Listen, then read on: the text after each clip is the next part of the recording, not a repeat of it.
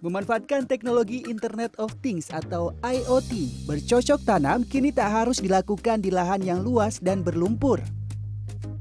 Sebuah perusahaan rintisan, Tunas Farm, memanfaatkan ruko di kawasan Serpong, Tangerang, Banten untuk diubah menjadi lahan pertanian vertikal dalam ruangan atau indoor vertical farming. Beragam sayuran seperti selada, bayam merah, kale, dan pokcoy ditanam menggunakan sistem hidroponik dalam ruang kaca berukuran 24 meter persegi. Semua parameter yang dibutuhkan tanaman seperti cahaya, nutrisi, pH, hingga suhu dan kelembapan bisa diatur secara otomatis. Tadi balik lagi, ini semua dikontrol, semuanya close, jadi untuk faktor X yang tadinya itu bisa menyebabkan kita gagal panen, kerusakan panen, dan lain-lain itu semua sudah tidak ada. Sehingga kita bisa memprediksi uh, sustain, berkelanjutan gitu ya. Lalu juga menjadi daya saing juga untuk para petani-petani muda kan, kayak seperti petani milenial. Mereka lebih tertarik untuk mengerjakan yang pertanian bersih gitu ya, pertanian yang bersih, pertanian yang modern. Benih sayuran terlebih dahulu disemai di media rock wool selama 5 hingga 7 hari. Setelah itu dipindah ke netpot dan disusun dalam pipa-pipa yang diberi lubang dan dialiri air. Untuk fotosintesis tanaman, cahaya matahari digantikan dengan cahaya buatan dari puluhan lampu LED yang masing-masing berdaya 10 watt.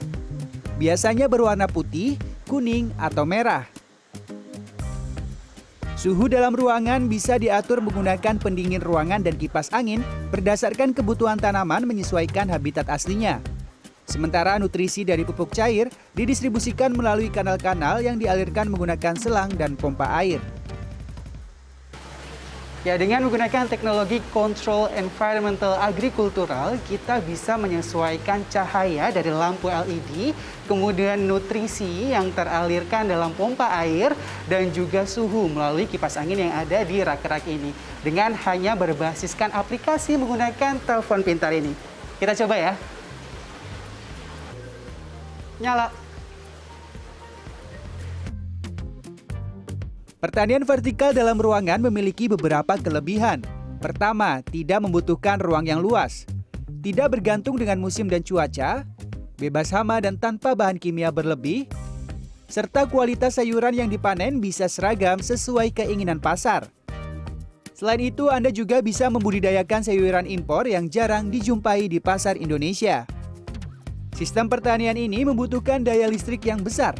Satu rak berisi 52 tanaman memerlukan setidaknya daya listrik 250 watt.